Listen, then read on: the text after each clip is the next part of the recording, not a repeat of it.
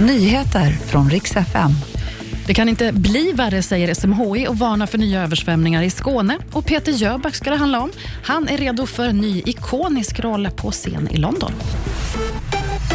Vi ska börja med protesterna i Paris. Delar av huvudstaden är helt lamslaget nu på eftermiddagen. Och det är bönder som protesterar genom att block blockera infarter och vägar med traktorer.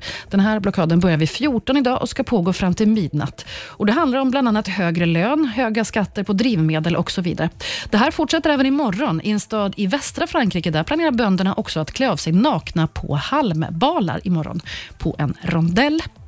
I Skåne där SMHI fortsatt röd och orange varning för Kävlingeån. Och det kan inte bli värre än det är nu, säger SMHI, men under morgondagen då väntas det ännu mer nederbörd tyvärr. Kraftiga översvämningar och starka strömmar längs hela ån. Så man varnar också för att det kan vara mycket farligt att vistas i närheten av vattendraget. Och Det blev förvirrat uppe hos Marvel i veckan när de blandade ihop skådespelare. Mail skulle skickas ut om bonusar för Avengers-filmerna. Lite förvånad när han fick ett mail om en jättebonus var Tom Hollander, för han är nämligen inte alls med i någon sån film. Det är däremot Tom Holland. Ja, snarlika namn, men helt olika skådespelare.